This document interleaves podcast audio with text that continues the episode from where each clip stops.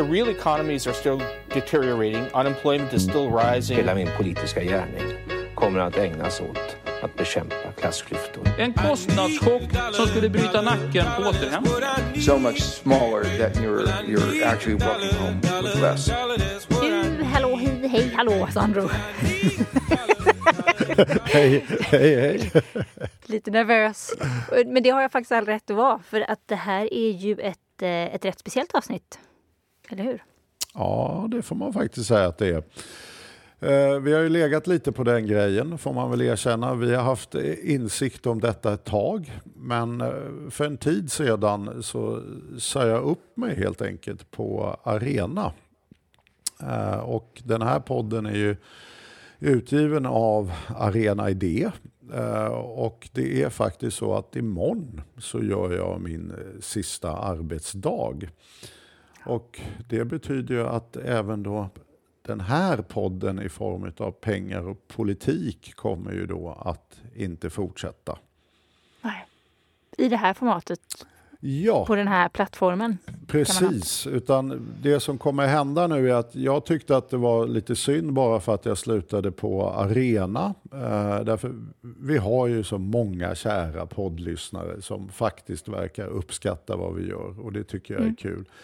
Så att jag kommer fortsätta med eh, pengar och politik. Den kommer heta Nya pengar och politik. Gamla nya Ullevi. Ja, gamla nya Ullevi.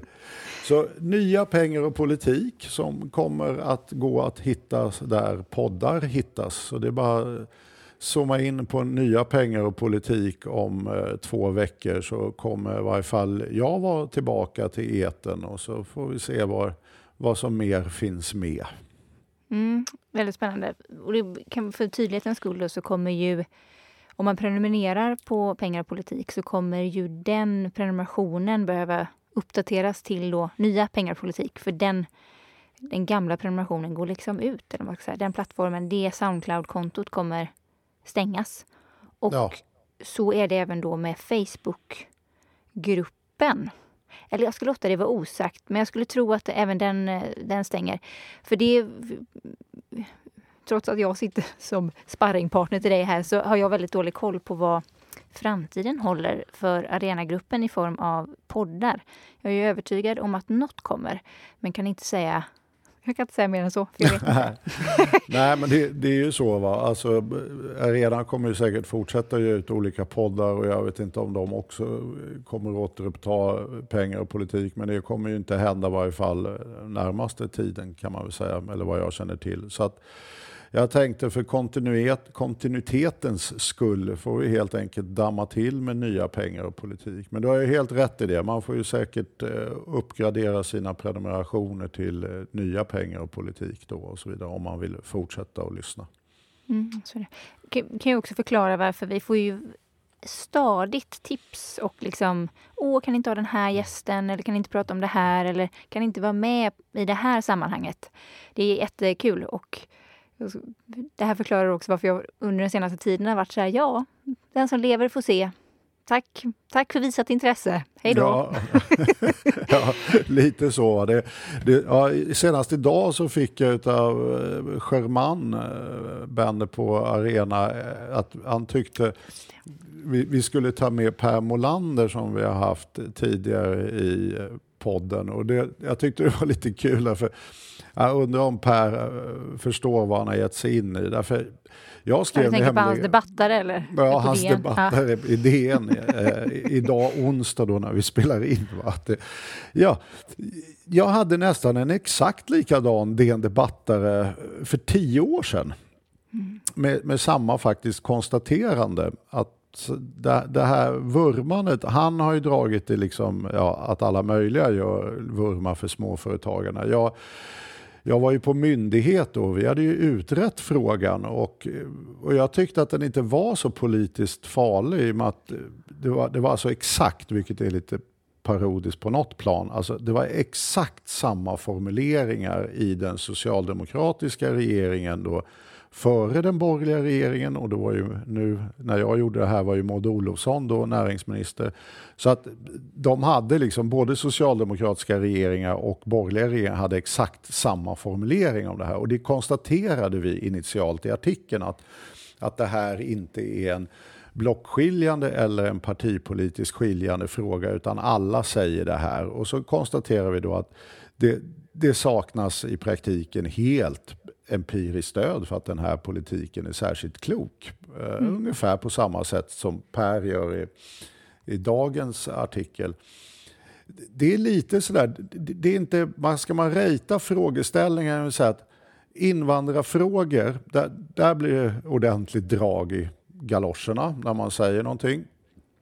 Sen har vi fastighetsskatt som jag var inne i för ett 20-tal år sedan. Mm. Där lyckades vi skrapa upp faktiskt ett mordhot också som uh, har för mig polisanmäldes och så vidare. Inte utan mig utan arbetsgivaren. Alltså det, fastighetsskatten engagerade människor oh, väldigt, väldigt mycket. Man, man fick liksom hela mailboxen. En, en hel dö fråga. Det känns som att det är så en otrolig konsensus att vi har ingen fastighetsskatt och det är bara så det är. Nej, jag vet. Den har helt dött i den här... Knäppisarna liksom, som föreslår ja. det kan ju gå och lägga sig. Ja, det är inget hot liksom. Nej, men det, det, var den tidens invandrardebatt kan vi säga i, i känsloläge. Alltså de var fruktansvärt arga va? och man fick så här, du vet, hundratals hatmejl i mailboxen om man skrev att det kanske ändå var bra att ha en fastighetsskatt eller något sånt där. Va? Så att, nej, det var, det, den engagerade helt enkelt. Men på tredje plats så skulle jag sätta småföretagarfrågan faktiskt. Den, den engagerar, inte minst politiskt, inte så mycket folkligt tror jag faktiskt. Men man, man får väldigt starka och stora reaktioner på det. Det vart ju ett fruktansvärt rabalder när vi skrev den där DN-debatten för tio år sedan. Så att vi, mm, vi får se hur Pers hur, hur det formerar sig kring Per nu, om alla blir lika upprörda igen. Men han har rätt, eh, har han i varje fall. Ja, så det är ett litet, ett litet lästips för de som inte redan har eh, läst eh, Per Molanders debattare på DN onsdag. Eh, Han kanske kan vara med i nya pengar och politik någon gång framöver. Vi får eller se. hur, mm. får se. Kan vi jämföra för... han som min DN-debattare? Se om det har hänt någonting på tio år. Ja, för jag tänkte liksom segway över, för vi kommer liksom vika en stor del av det här poddavsnittet till en hitkavalkad, en Top of the Pops eh, som, en, en eh, som ett eh, ståtligt farväl till pengar och politik i den här formen. Eh, eller i den här formen, formen kommer ju fortsätta, men kanske då på den här plattformen. Mm. Eh, och så tänkte jag så här, men då kan jag ju säga så här, åh, inget nytt under solen. Det, det, det, kommer vi märka när vi går igenom de här årens poddar. Men det, fastighetsskatten är ju faktiskt, det är ju faktiskt inte en så eh, känslomässigt uppskruvad eh, fråga. Det är ju å andra sidan den frågan som vi ska rota lite i idag igen. Eh, mm. Och det, det, är ju liksom LAS, förhandlingarna, regeringskrisen, ja, arbetsrätten helt enkelt. Det. Ja.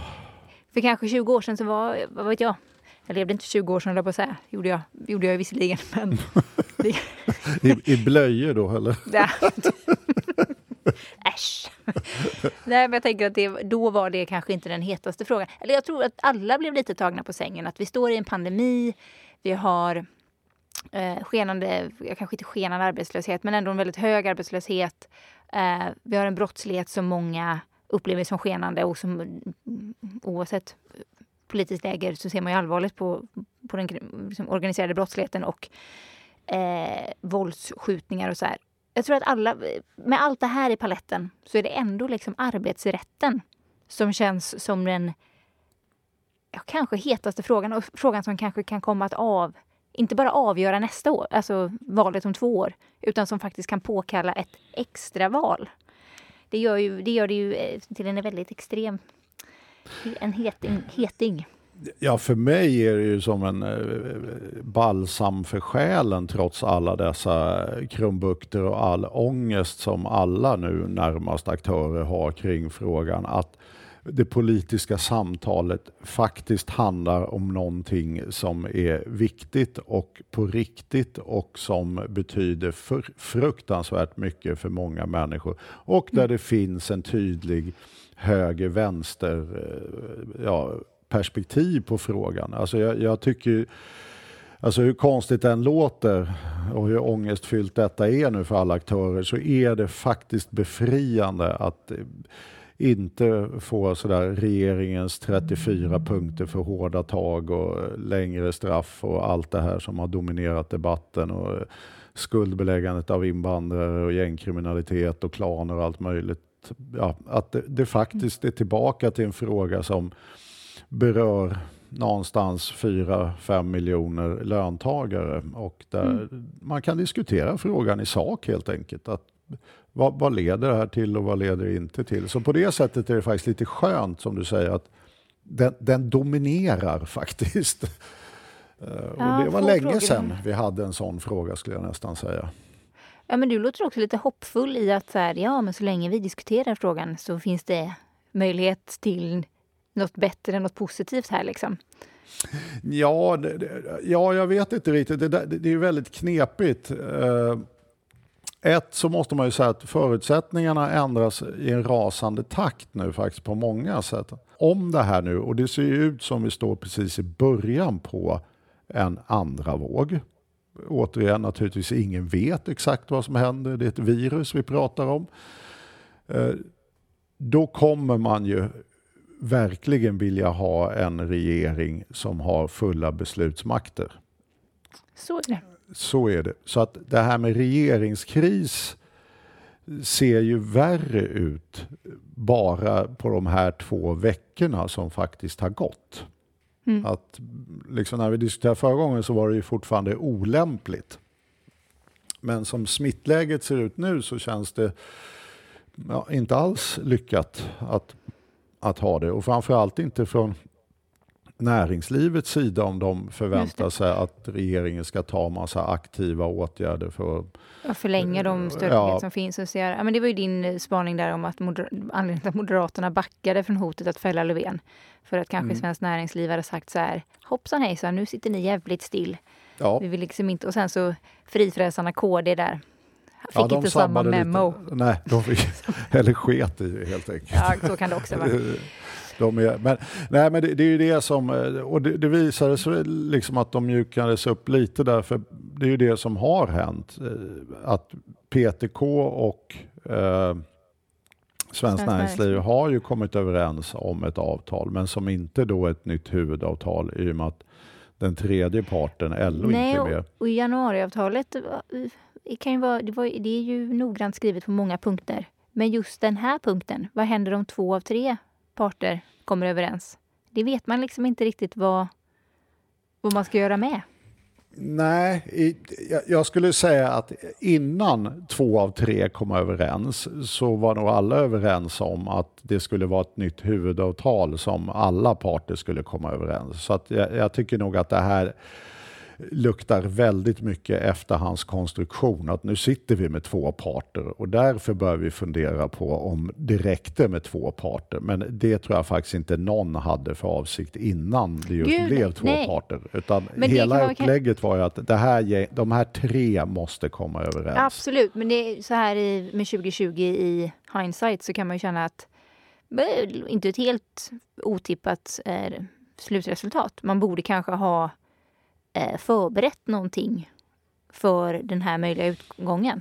Ja, jag tror ju att det har gjorts en rad missbedömningar som har lett till det här. Det här med hindsight är ju alltid lite roligt. Det är, det är alltid så lättare att få rätt när man talar om historien än om framtiden. Men om, om vi nu tänker på vad som hände och hur det de facto ser ut så sitter ju faktiskt då två personer från LO i eh, VU för Socialdemokraterna. Eh, och jag vet att talepunkten är att vet du, de inte har godkänt januariavtalet så att säga. Va? Men samtidigt får man ju konstatera att de satt ändå i... Men Kolle sitter inte kvar där? Nej, det här kommer då den, tycker jag, en intressant betraktelse i retro. Och, och det är ju nämligen det att Kolle satt ju där då. Ja. Eh, och, vet, du, och då kan man ju undra lite hur, hur det där gick till. Och jag, jag har väldigt, väldigt svårt att tro att även om nu de inte godkände det från LOs sida så var det ju ändå förankrat att det här avtalet kommer vi skriva under från Socialdemokraternas sida om ni inte skriker. Och då misstänker jag att hela planen var, med också formuleringen i januariavtalet, att Kolle skulle ta på sig att förhandla hem det här huvudavtalet så att det aldrig skulle bli utredningens förslag som lades på riksdagens bord. Utan planen från Stefan Löfven och Kolle skulle jag säga var hela tiden att det var en partsöverenskommelse som skulle ligga till grund för beslutet. Det där blev det ju rätt hassligt med om man uttrycker sig lite försiktigt. Att eh, Kolle gjorde nog... Eh, Och bara för, bara för ordningens ja. skull här, Karl Petter Thorwaldsson. Ja, just det. Karl Petter Thorwaldsson. De allra flesta av våra lyssnare har säkert koll, men bara så. Ja, som då var LO-ordförande. Det, det är bra, det har du helt rätt i. Det får inte bli för familjärt. Eh, men eh, men då, då händer ju det att Kolle har i, indirekt det här uppdraget att få ihop den här dealen och lösa ut eh, statsministern ur den här lilla kniviga sitsen. Eh, han går rätt långt i det kan man nog säga, eller tyckte i varje fall vissa förbund. Eh, och det leder ju till väldigt starka ord, inte minst ifrån Tobias Bodin och Kommunal. Jag har för mig att han till och med säger jag saknar förtroende för LO-ledningen. Vilket med min, ja när jag var på LO en gång i tiden, det, det kändes som ett väldigt starkt uttalande helt enkelt. Det, under- på min tid så hade, kändes det mer som att då hade en av de två ordföringarna fått avgå om någon sa det. Men det har uppenbarligen ändrats så att båda satt kvar. Men det ledde ju till att eh, vet, Kommunal och förbund som delade deras uppfattning drev igenom det här med att sakliga skäl inte fick diskutera och att liksom förhandlingsmandatet från LOs sida eh, blev helt enkelt mycket mindre öppet. Och det där var nog inte då så lätt att kanske få ihop ett avtal med den nya restriktionen helt enkelt. Men det här, var, Kolle hade ju lämnat innan den här restriktionen. Det är ju nästan som att han... Nej, det är det han inte har. Vet du. Det här händer under Kolle. Sen lämnar Kolle. Jo, men det var ju, han, vi visste ju att han skulle lämna. Ja, men Kolle hade ju du, drivit de här förhandlingarna eh, i LOs namn. Och bilden tycker jag lite som skymtar fram nu att det, det är väl inte omöjligt att det var så att Kolle förstod att det här håller på att gå sideways. Ehm, och insåg att den problematik som LO har hamnat i nu, som jag tänkte komma till om en sekund, skulle dyka upp. Och den är ju inte rolig för en L-ordförande, helt enkelt. Så att det är möjligt att han, när han tog sitt pick och pack där, hade faktiskt med det vi ser hända just nu att göra, tror jag. Ja, och bara en liten passus där. Jag tror också, du och jag snackade om det när det hände, alltså Baudins uttalande om att han inte hade förtroende för LO-ledningen. Var ju också, då visste man ju att, att eh, Kolle skulle avgå. Så att det var kanske snarare en markering att jag vill inte, jag är inte intresserad av den posten. Nej, det, det vet jag inte om det var så mycket det, men det är ju naturligtvis inte bra att ha kandiderat till en post som man har följt gräl med den eh, organisationen. Utan, men jag tror ju mer faktiskt att det här har ju pågått ett tag. Det där var ju naturligtvis toppen på isberget när det smällde i media. De här förhandlingarna pågick ju länge under Kolles tid. Så att situationen började ju helt enkelt bli ohållbar. Att LO hade svårt att hålla ihop i den här frågan helt enkelt. Och gav sig in. Visste då Gideonsson exakt hur jävla svårt det var att hålla ihop? Vi kan väl säga så här va, att jag hoppas det. Annars, Ja. annars har de fått en väldigt tråkig överraskning nu. Va? Därför att det är ju det som är så spännande nu i, i dagsläget. Det var det jag var inne på tidigare, det här med att det, det är knappt någon aktör som inte har akut ångest just nu. Va? Därför jag, jag tror Stefans hela plan, den, den har brunnit upp helt enkelt. Jag tror att, alltså då är, talar vi om vår statsminister Stefan Löfven. Fan, det här får jag sluta med. Ja, men hans plan har brunnit upp. Jag tror han sitter nu och spelar, som jag brukar kalla, på talang. Va? Att han, han försöker sy ihop någonting som gör att han kan sitta kvar, att LO inte exploderar, att Centern är kvar i samarbetet och så vidare. Va? Alltså han, han, han, han har mycket på tallriken nu och spelar nog så gott det går för att få ihop alla de här pusselbitarna. Men han, jag, jag, jag, tror inte han egentligen har någon riktig plan, för den planen har liksom brunnit upp. Utan nu är det mer att man spelar på talang och försöker sy ihop någonting som alla kan stå ut med. Så... Det man kan säga är väl att han är ju inte ensam om att sitta med, du sa tallriken full, jag hade sagt Häcken. Ja, tall- jag, tänker... jag är så fin i kanten. Ja, det är det, min nisch. Ja. Jag tänker att Vänsterpartiet, de vill ju inte se någon annan... De, de vill ju inte eh, egentligen se en annan regering. Eh, Centerpartiet kan ju inte gå till någon annan regering för de har liksom sagt att hela demokratin hänger på att de inte gör det. Nej, men du, du har ju helt, alltså det var ju det som var lite min initialspaning, att det, det är så mycket ångest runt i systemet nu så att eh, det, det räcker för alla att bli lite över. Va? Att det, det här är ju, börda.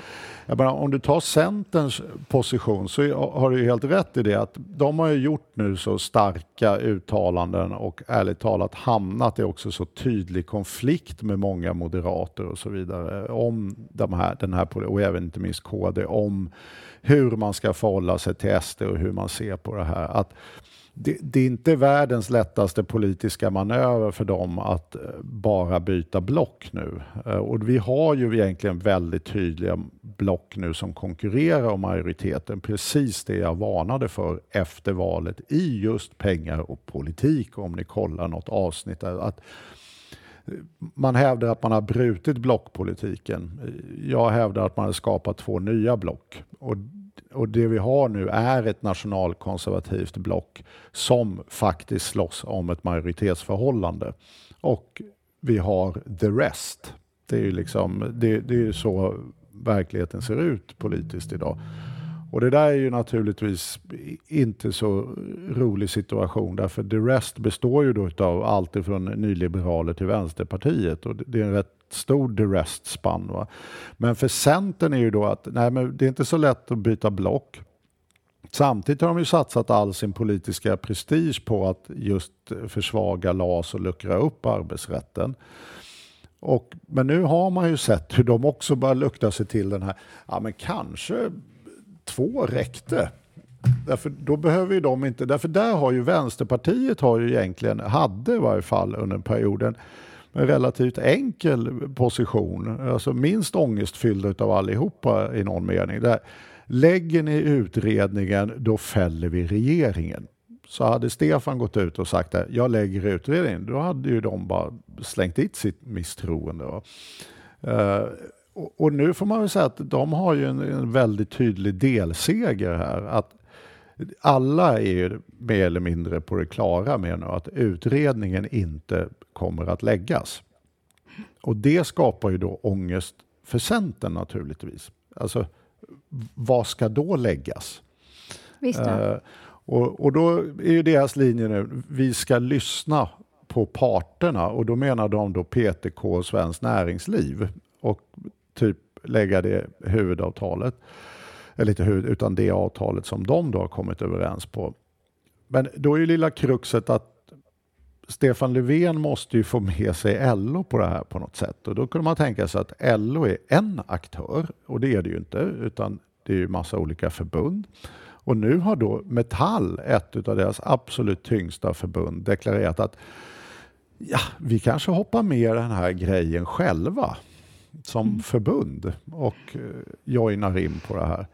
Och, och det där gör ju att Gideonsson, då, LOs ordförande, har ju inte en alldeles bekväm roll. Alltså det här är ju, skulle jag säga, ändå en, om, om det blir så att LO blir helt sidesteppade och att till exempel då Kommunal som har uttryckt sig starkare om att det här avtalet dåligt som har slutits mellan PTK och Svenskt Näringsliv. Absolut i dagsläget inte ser ut att vilja skriva under på det.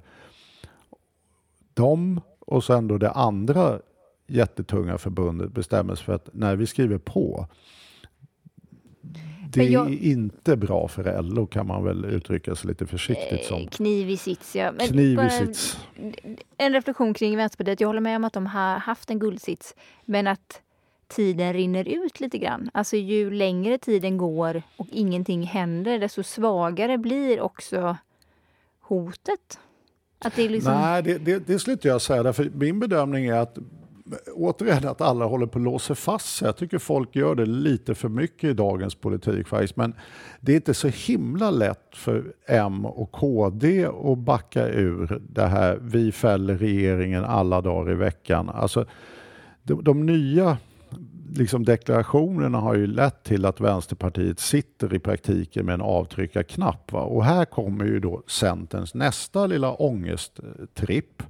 Och det är nämligen det att Annie Lööf plötsligt sa i en diskussion förra veckan med eh, Jonas Sjöstedt äh, jag missbedömde situationen när jag skrev att Centern inte skulle ha något inflytande därför att jag kunde aldrig tänka mig att de, som hon då uttryckte skulle spela under täcket med SD.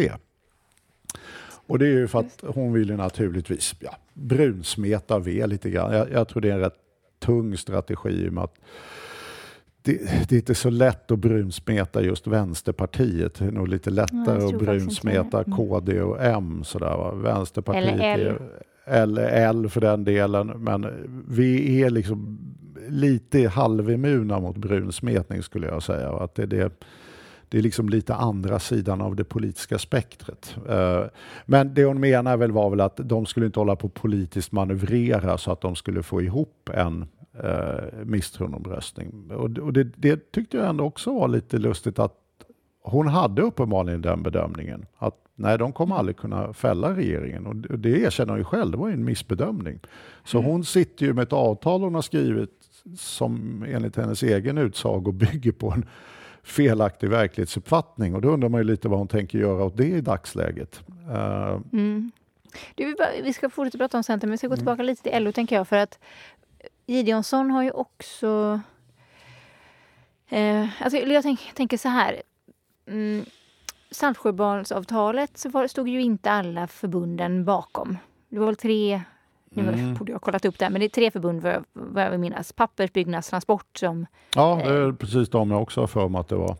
Valde att stå utanför. Och då tänker man ju, eller tänkte i alla fall jag och säkert många med mig att ah, men då kanske ett alternativ här är, för jag uppfattade det som att det var främst då Kommunal eh, som trilskades med, eh, med det avtal som PTK och Svenskt Näringsliv har godkänt och som LO då fick säga nej till. Och så tänkte man så här, men då kanske de internt kan förhandla att Kommunal får ställa sig utanför. Men sen när man såg reaktionerna i sociala medier och liksom lyssnat runt lite bland, eh, bland förbunden. Jävlar vilken hallelujastämning det är att LO sa nej. Äntligen står ni upp för oss. Äntligen tar ni tillbaka makten. Det var liksom, och jag tror att Gideonsson som ny ordförande, hennes absolut viktigaste uppgift är ju att hålla ihop LO. Ja, det är varje ordförandes viktigaste uppgift. Jo, men jag tänker att eh, typ eh, Karl-Petter Thorwaldsson kunde hålla ihop LO och också vinna debatten. Jag tänker att Gideonssons extrema ansträngningar att hålla ihop organisationen får konsekvenser utåt sett att hon inte vinner hon vinner liksom inte debatten. Hon vinner, det är svårt att veta varför LO sa nej. För de lyckas liksom inte föra fram sin, sin ståndpunkt som egentligen inte är så, så konstig. Men jag tänker att det, det, det är väl helt rimligt kanske. Men det gör ju då att, att, att folk blev så jätteglada internt gör ju att det då blir svårt att gå vidare med en sån strategi. Att ah, ja, men då förhandlar vi internt med Kommunal om att de får stå utanför. Och så säger vi ja. Det blir ju helt omöjligt i princip. Ja, plus att Kommunal är inte transport, får man nog också eh, konstatera. Liksom, kommunal är ju Sveriges största fackförbund och eh, det största fackförbundet i LO. Så att det, det, det, är en liten dignitetsskillnad med all respekt nu för Transport så inte de mejlbombar med att vi är minsann viktiga vi med. Men Kommunal är ett lite större förbund eh, så att det, det är inte så lätt att sidesteppa dem. Men om vi bortser från det faktumet så är det ju också så att det var ju en debattare med hälften av LO-förbunden som var väldigt upprörda. Mm, Eh, Så att det är ju inte bara Kommunal utan det är ju snarare IF Metall och så är jag lite oklar på hur många som delar IF Metalls eh, uppfattning för tillfället. Men det är väl det här som då L-ordförandens position blir eh, så delikat kan man väl säga. Att hon tycker avtalet inte är bra, PTK-avtalet om jag förstår saken rätt. Eh, hon tycker inte det ska bli lag. Hon tycker å andra sidan att Kommunals beskrivning som att avtalet är till och med sämre än utredningen tycker hon är fullständigt fel. Den är bättre än utredningen så att det är bättre att man lägger typ det än ut. Alltså det, det, det blir ju inte en, det, det är inte så lätt att ta en debatt om man inte har en tydlig position helt enkelt. Och, och eh, bristen från LO-ledningens sida på tydlig position det beror ju på att man har den här starka splittringen inom sin egen grupp helt enkelt. Att, för att ta det väldigt enkelt, Me- Metall och Kommunal har helt enkelt väldigt olika uppfattningar i den här frågan. Så mycket sannolikt på grund av att de helt enkelt representerar olika yrkesgrupper som helt enkelt har olika problem och det är det de representerar vilket i hög utsträckning är naturligt för en fackförening. Men de här skillnaderna finns ju och det gör ju för, då grupp, för, för den organisation som ska hålla ihop det här blir det ju en enorm utmaning. Alltså, Jo, men såklart att kommunal är det största blir svårt. Jag tänker PTK hade ju också interna motsättningar och, och lärarförbunden sa ju nej och även, vad var det, Teaterförbundet eller? ja, där har vi en riktigt tung spelare på världsarenan. Nej, fan, Nej, men- nu får jag skit från Teaterförbundet också.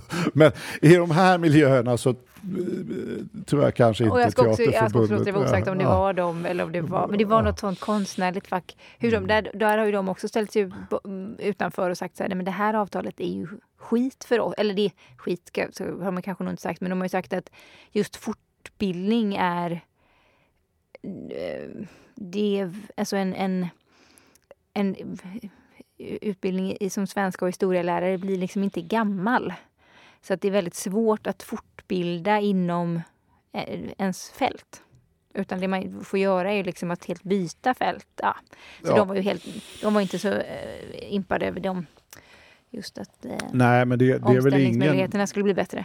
Nej, och det, det är väl det där som jag kan ju tycka då är lite kul. Om man, om man uttrycker sig väldigt vanvördigt nu så är det ju så att staten har ju lovat att slänga in massa pengar i det här om liksom parterna kommer överens. Och det är ju en redig muta till parterna. Att Om ni tre sätter er ner och löser ut vår politiska ångest Mm. så kan ni få tillgång till del av statskassan. Men utifrån, eh, om man ska tala i väldigt tydligt klarspråk, utifrån Stefan Löfvens horisont så utgår jag ifrån att mutan var avsedd för LO. Att ni kan få saker som ni vill ha också via statskassan. Och då kan det ju bli ett balanserat avtal för er egen del. Även om inte arbetsgivarna bjuckar på allt utan en del kommer ifrån statskassan så kan, det ändå, kan ni tycka att det är värt att skriva på det här avtalet. Det blir lite kruxigt när den parten som skulle få mutan gittar och den parten som inte egentligen var så intressant att ha med på vagnen snor mutan. Så nu säger bara, fan. Precis, nu säger PTK, den här mutan var ju smaskens, den, den vill vi ha. Och, och tittar man på avtalet så som det är skrivet så är det inte mycket som arbetsgivarna bjuckar på utan jag skulle ju säga det stora som PTK är intresserad av det är ju det som parterna tillsammans då om de går ihop kan tvinga av eh, statskassan helt enkelt. De här nya studiestödsformerna och annat. Va? Alltså, som säkert kommer kosta en del. Så vad, vad är alternativen framgent här nu då? Är vi närmare regeringskrisen för två veckor sedan? Ja, det, det beror ju lite på hur Vänsterpartiet faktiskt eh, resonerar måste man nog vara ärlig och säga. I och med att det är ju de som sitter med misstroendeknappen. Uh, men om vi bortser från det så Ramberg tycker jag har fångat det här rätt väl. Han är ju väldigt duktig. Va? Och, och det är ju det här med att han uttrycker som att det blir svårare för Vänsterpartiet att fånga den här hala tvålen. Mm. Och, det, och det har han ju helt rätt i. Alltså, Vänsterpartiet har ju egentligen fått en rätt betydande seger redan nu. Alltså, utredningen kommer inte läggas. Uh, och samtidigt har situationen blivit rätt soppig för eh, Stefan Löfven i det där med att LO är så splittrat och att han behöver ha LO med sig i någon form av uppgörelse. Samtidigt som han försöker få med sig Centern då, att de ska fortfarande tycka att det här är tillräckligt nyliberal politik. Va? Och, och den där förhandlingen är ju inte riktigt klar och just för tillfället så, ja, med tjänstemännen som är med på vagnen, eh, Metall kanske med på vagnen, eh, andra inte med på vagnen. Eh, jag skulle säga att det, det är inte jättelätt att hitta på vad man ska göra ett misstroende på, om du förstår vad jag menar. Alltså, det, det måste ju, man måste ju förvänta sig ett svar på ett misstroende. Gör det här, eller så lägger vi misstroendet. Eller man lägger ett misstroende och så säger man nu har du x antal dagar innan omröstningen att säga åt oss att det här är det du ska göra. Och då måste man ha en klar uppfattning om vad är det statsministern ska komma tillbaka och säga. Och, och deras gamla krav med lägg inte utredningen, det utgår jag ifrån skulle ta Stefan två sekunder och säga att jag tänker inte lägga utredningsförslaget där, för det tror jag inte han har någon som helst avsikt att göra. Så det misstroendet skulle kanske inte bli jättestarkt. Eh, det är också lite knepigt vad, vad ska man då kräva att de inte gör för att inte bli fällda? Eh, det är det vi har hamnat lite i. Att den här tvålen har blivit hyggligt hal. Däremot så ser jag å andra sidan inget större problem för Vänsterpartiet med att vänta på att tvålen torkar lite så att det blir lättare att greppa den. Därför de sitter ju ändå med den här triggern. Att de kan ju lösa ut den mm. den här månaden, nästa månad, efter Aj, nyår om ja, man så vill. Jag tror inte de är så säkra på stödet. Alltså jag tror att man ska ändå smida medan, medan järnet är varmt. Jag tror inte man kan jag tror inte man kan luta sig tillbaka och bara kallt räkna med KDs, SDs, kanske Moderaternas stöd i en, en eh, eventuellt misstroende.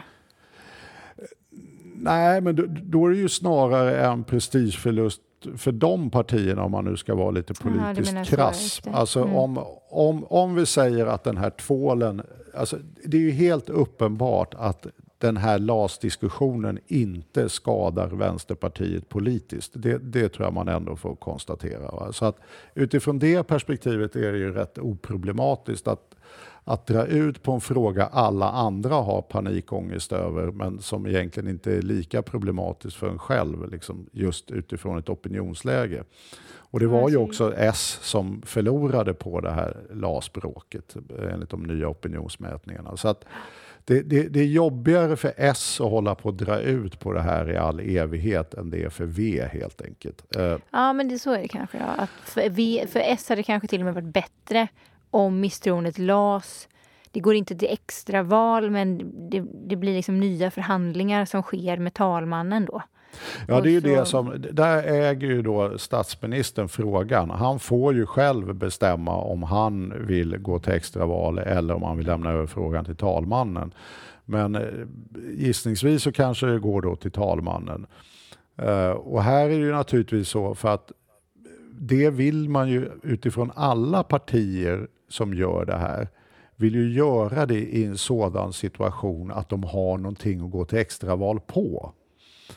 Eh, och det gäller ju såväl S som de andra partierna. Och C naturligtvis. Och L bör väl, ja, oavsett vad som händer börjar se allt mörkare ut för dem.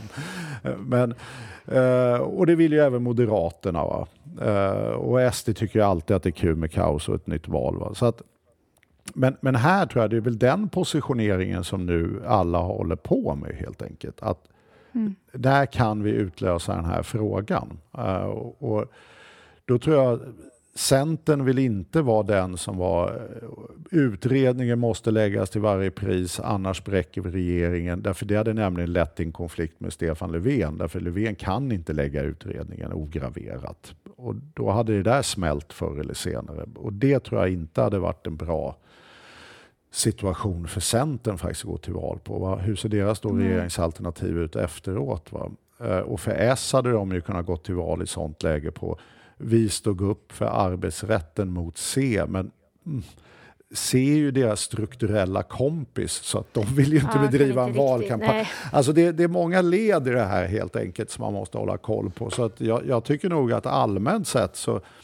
eh, det, det, den stora liksom, klumpen i halsen den sitter ju statsministern och LO-ordförande med. Det, det är här mm. någonstans de sitter mest trångt.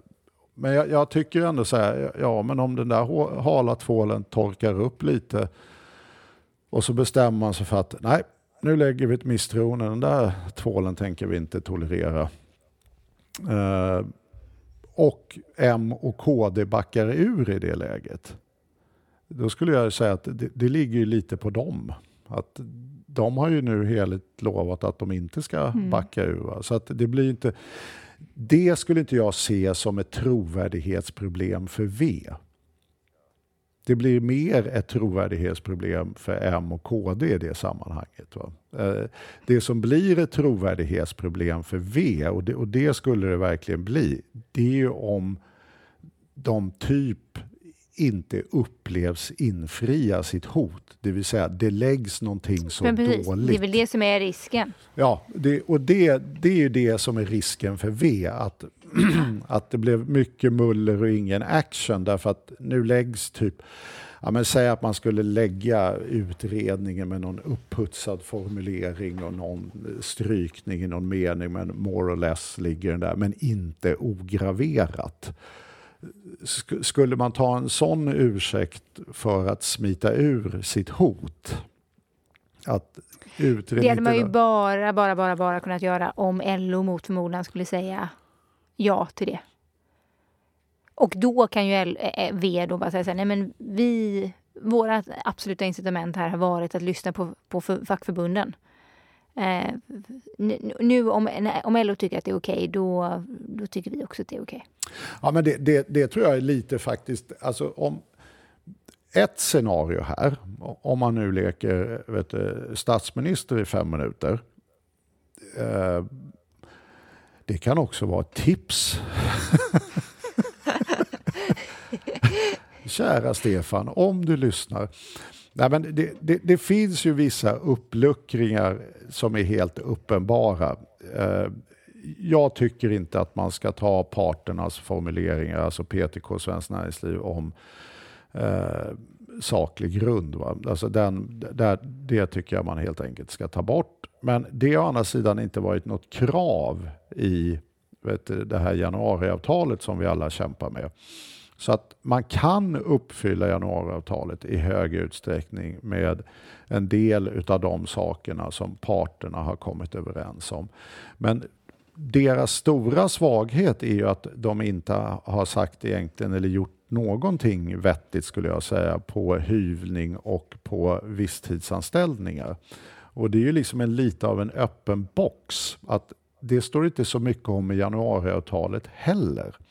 Så att du skulle ju kunna ta en del utav helt enkelt avtal, det avtal som PTK och Svenskt Näringsliv har när det gäller försvagningssidan och sen stärka upp den helt enkelt med egna eh, förslag i en framtida propp som rör det som är inte minst vet, eh, Kommunals hjärtefråga då, när det gäller då hyvlingar och visstider och saklig grund. Då och därmed kunna lägga en balanserad produkt. Men mm. det bygger ju på att se helt enkelt är med på att okej, vi får några fler undantag och vi får lite billigare att sparka folk och det händer lite såna här grejer. Men vi får, och, ni får också köpa i så fall de här förstärkningarna på den här sidan. Det, det, det framstår ju som en, ja, den lösningen att gå emot skulle jag gissa idag. Och då Mm. kan ju LO plötsligt säga tillsammans att givet det här budet vi har fått ifrån regeringen som är en kombo då utav mutan, studiestöden, en lit, eller inte en liten utan en försvagning utav eh, undantag eller en försvagning av arbetsrätten och LAS men en förstärkning på hyvling och eh, visstidssidan så säger LO att ah, men det, här, det här känns okej. Mm. Och då är ju parterna där. Och då skulle jag säga att det löser ju även ut eh, Vänsterpartiets hot. Alltså Vänsterpartiet, så som jag uppfattar har ju inte sagt att de ska tycka alla förslag som parterna lägger fram är bra. Utan det är ju mer en institutionell position de har haft. De här ska ta beslutet.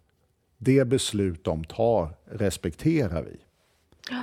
Och skulle då liksom Svenskt Näringsliv, eh, PTK och LO acceptera en sån kompromisspropp så att säga ifrån statsministern, ja då är ju alla med på vagnen. Då har ju parterna sagt att det här tycker vi är bra. Liksom. Men du tror att Svenskt Näringsliv hade sagt ja till en sån? Det är helt uppenbart att de inte säger ja till det i direkta förhandlingar, men det är lite som alla säger. Det stod liksom 10-1 när det här började. Mm. Och situationen är ju lite soppigare nu och vi går in med de här högre smittotalen och så Jag har vidare. försämrat Svenskt Näringslivs... Alltså eh, de kommer ju tycka det här är jättedåliga förslag men det är väl inte omöjligt att de som med alla kompromisser säger att det här tycker vi är mycket sämre och så vidare men vi går med på det här för att det är den här situationen och vi tycker att helheten ändå är acceptabel eller något sånt där. Alltså, Ja, ja, och sen faktum kvarstår ju att det fortfarande blir praxis i AD som sätter tolkningarna här. Ja, och den, det här beskriver just hur hal den här tvålen är. alltså, men det- är väl liksom den egentligen lösning jag ser. Den enda lösningen om regeringen inte ska falla som jag faktiskt ser framför mig. Att Centern måste acceptera att man förstärker eh, på en annan del utav arbetsrätten så att den Mm. faktiskt blir balanserad. Och där är ju hyvlingar och visstid det som det har tjabbats om. Visst, ja. Och det vad jag kan förstå är ju inte alls bundet utav januariöverenskommelsen på något som helst sätt. Så Centern har ju inga sådana här prestigeförluster med att gå ut och säga att vi tycker det här med hyvlingar är inte så bra, det skapar otrygghet. Det kan ju de säga bara för att vara sköna typer om du förstår vad jag menar. För att visa att de inte bara är toknyliberala. Så att, ja, men det, det, det här med undantag, billigare att sparka och sådär, det där finns ju i januariavtalet. Och, och det, det måste de nog få hem i påsen, eh, Centern. Så den Mm. biten är nog rätt, det, det kommer finnas med i en framtida propp. Frågan är Och bara man kan inte liksom kompensera med, jag vet inte, sänkta arbetsgivaravgifter för unga. Eller eh, vad har de, de har ju något annat litet sånt lite märkligt förslag om att man ska luckra upp strandskyddet för att eh, på så sätt komma åt bostadsbrist. Om man ger lite sådana Ja, andra det, grejer. Nej, nu är nog, Nej. Centern är ju världsberömda för det, vi kallar då i Sverige för kohandel. Det myntades ju just i samarbete mellan Centern och S. Eh, Men jag, jag tror i just det här fallet är det nog rätt kört. Centern måste komma ur den här processen är min bedömning med att det är en försvagad LAS. Det, Mm. det är det de vill ha. De vill ha fler turordningar, de vill ha billigare att sparka folk och så vidare. Och det, det vill de ha med sig ut. Fattar. Och det, det tror jag inte de kan eh, i dagsläget eh, riktigt förhandla bort. Utan, och det går inte att köpa dem heller. Sådär. Vi tar bort inkomstskatten typ. Alltså det, det, jag tror inte den typen av K. Utan det man kan göra här, det tror jag just, förstärk upp någonting som det inte finns politiska låsningar kring. Mm. Och det, det finns egentligen inga liksom, redan bestämda politiska låsningar kring visstider och hyvlingar. Det är som att ju mer du pratar om det, desto, det låter som att desto mer tänker du att det här är den bästa lösningen. Alltså jag, skulle jag sitta och tjabba med statsministern om det här, då, då, skulle jag nog tycka att det här var den lösningen to go to. Att mm. det, man mutar av hela gänget med lite statskassa och sen så bjuckar man LO på det de inte fick igenom förhandlingarna. LO får hacka i sig en svagare LAS. Och liksom, det är någonstans ja, alla, får, där. alla får något, alla blir lite missnöjda. Alla blir lite missnöjda. Det är en soppa, men alla får något och alla kan i slutändan säga att de fick ändå det de ville ha. LO kan säga att vi fick hyvlingar visstiderna. Centern säger att vi fick eh, rätten att sparka folk billigare och fler. Näringslivet säger det, absolut. Ja, så att det, det gäller att ge alla någonting och i ett sånt läge då, då är det ju möjligt att, eh, eller då, då bedömer jag ju att V skulle kanske liksom kunna med heden i behåll backa undan. Men å andra sidan är ju vi väldigt långt därifrån. Så är det. Och den här processen kan ju inte dra ut i all oändlighet. Så jag hoppas att statsministern ringer för fulla muggar till LO. Ringer till mig Center, nej, nej, han kan lyssna på podden. Mm. Nej, men ringer till Centern, Svenskt Näringsliv, PTK, att det är någon som håller på att göra det här så kallade fotarbetet nu och försöker få ihop den här kompromissen. Det, det, jag skulle nog säga att om, om det där bara leder till att Centern viker ner sig Nej, nej, de måste ju få något annat då såklart. För då kan ju också S ge dem, låt oss säga, ja, vad fan, ja men eh, sänkta skatter för småföretagare i all oändlighet.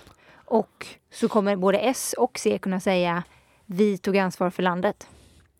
Ja, jag bedömer nog det där en lite knepigare sits för C än du kanske tycker att det är. Jag, jag, tror, jag tror C skulle tolka det som en väldig prestigeförlust. Alltså därför det är ju ingen idé att egentligen kliva in med marknadshyror heller. Då. Alltså v har ju gjort två sådana här löften att fälla regeringen och givet nu KD och M's vi fäller dem alla dagar i veckan så kommer det också funka även om det ligger längre fram i tiden. Va? Så att då måste de ju egentligen backa på hela den grejen, erkänna att det är faktiskt den majoritet de regerar på där V ingår och då måste de ju rimligtvis ta in dem i förhandlingarna. Och det skulle ju naturligtvis vara det rationella att göra. Mm. Men jag tror ju inte att det är så lätt för C att hacka i sig den typen av eh, förlust. Liksom. Så att det, det, det, det, ja, men det är ett högt tjuv och rackarspel nu. Ja, ehm, och mycket står på spel. Vad sa vi? Fem miljoner löntagare? Ja, så har vi fem miljoner löntagare och en andra våg på ingång. Va? Ja. Du, nu har vi redan vi har poddat i en hel timme redan så att eh, vi ska inte dra iväg allt för långt för vi har ju kanske det viktigaste framför oss. Det sorgligaste. vi kom inte riktigt på något bra namn för vad vi skulle kalla Hej då-podden. Av, avslut. Av, hej, hej du sköna nya värld. Podden. farewell Tour hade jag på...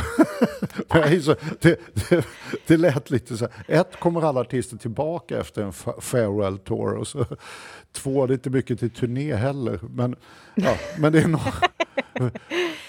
I och sig, du kanske kommer tillbaka i och för sig. Men mm. vi, jag har ju satt ihop lite då av en hitkavalkad av poddar. Vi, alltså vi kommer gå tillbaka till den absoluta början. Eh, vi pratade lite som hastigast om det innan vi började spela in det. Men vet du hur, eh, hur många avsnitt av Pengar och politik som har spelats in? Ingen aning. Vet du hur många år du har hållit på? Nej, inte det Nej. heller. Så att jag blir faktiskt lite glad att jag blir informerad om det nu, så kan jag säga det sen. Sex år har eh, du spelat in Pengar och politik. Wow. Eh, och det har blivit 156 avsnitt. Kul, och, det är mycket. Ja, får man, får man säga kul. Och då är det egentligen det är bara två konstanter. Och det är då du själv och gingen. Ja, Gingen är ju en sån här, någonting jag bär stolt med, men det är ju faktiskt jag som har gjort den. Och jag har ju aldrig ägnat mig åt att mixa ljud och sånt där, men vi skulle försöka fixa någonting och det var så dyrt att få det gjort och sådär. Så att jag gick hem och tankade ner det här Audacity-programmet och googlade hur man mixar ihop olika saker. Och sen så gjorde jag en jingel helt enkelt. Vilken jingel sen. Ja, och det var ju bara liksom, ja men vi gör en så länge. Det var nog inte avsikten att den skulle hålla i sex år, men vi, hittade, vi tyckte aldrig att det fanns någon riktig anledning att byta ut den. Nej, nej, nej, varför spotta vinnande häst i mun? Mm. Som man brukar säga.